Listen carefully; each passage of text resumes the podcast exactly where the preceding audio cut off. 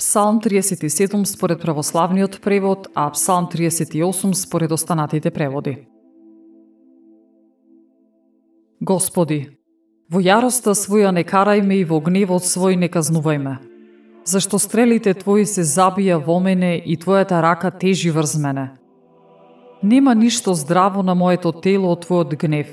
Во коските мои нема мир поради гревот мој зашто беззаконијата мои ја надвишија главата моја како тешко бреме ме притисна. Смрдат и гнојат раните мои поради безумието моја. Се згрбавив и се стопив сосема, цел ден натажен одам. Слабината ми е воспалена, нема здраво место на телото мое. Исцрпен сум и дотолчен, рикав поради воздишките на срцето мое. Господи, Пред Тебе се сите мои копнежи и мојата воздишка не е сокриена од Тебе. Срцето засилено ми бие. Ме напушти силата моја и светлината на очите мои и неа ја нема во мене.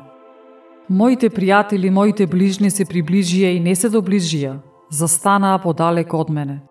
А оние што ја бараат душата моја ми поставуваат примки, говорат за пропаст и секој ден куреат сплетки. А јас пак, Како глув не слушам и како нем сум, кој не ја отвора устата своја.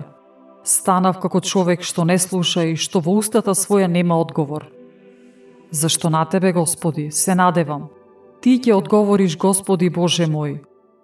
Зашто се молам само да не се погордеат над мене моите непријатели, и кога ќе ми се поколебаат нозете мои, тие да не се кренат над мене.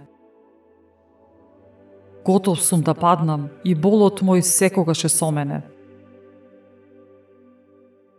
Беззаконието свој го признавам и ќе жалам поради гревот мој. А оние што ми се непријатели без причина се силни и се намножи и оние што неправедно ме мразат. Ми враќаат зло за добро, ми станаа противници, зашто јас сум за добро. Не оставај ме, Господи Боже мој, не оддалечувај се од мене побрзај да ми помогнеш, Господи, Спасителе мој.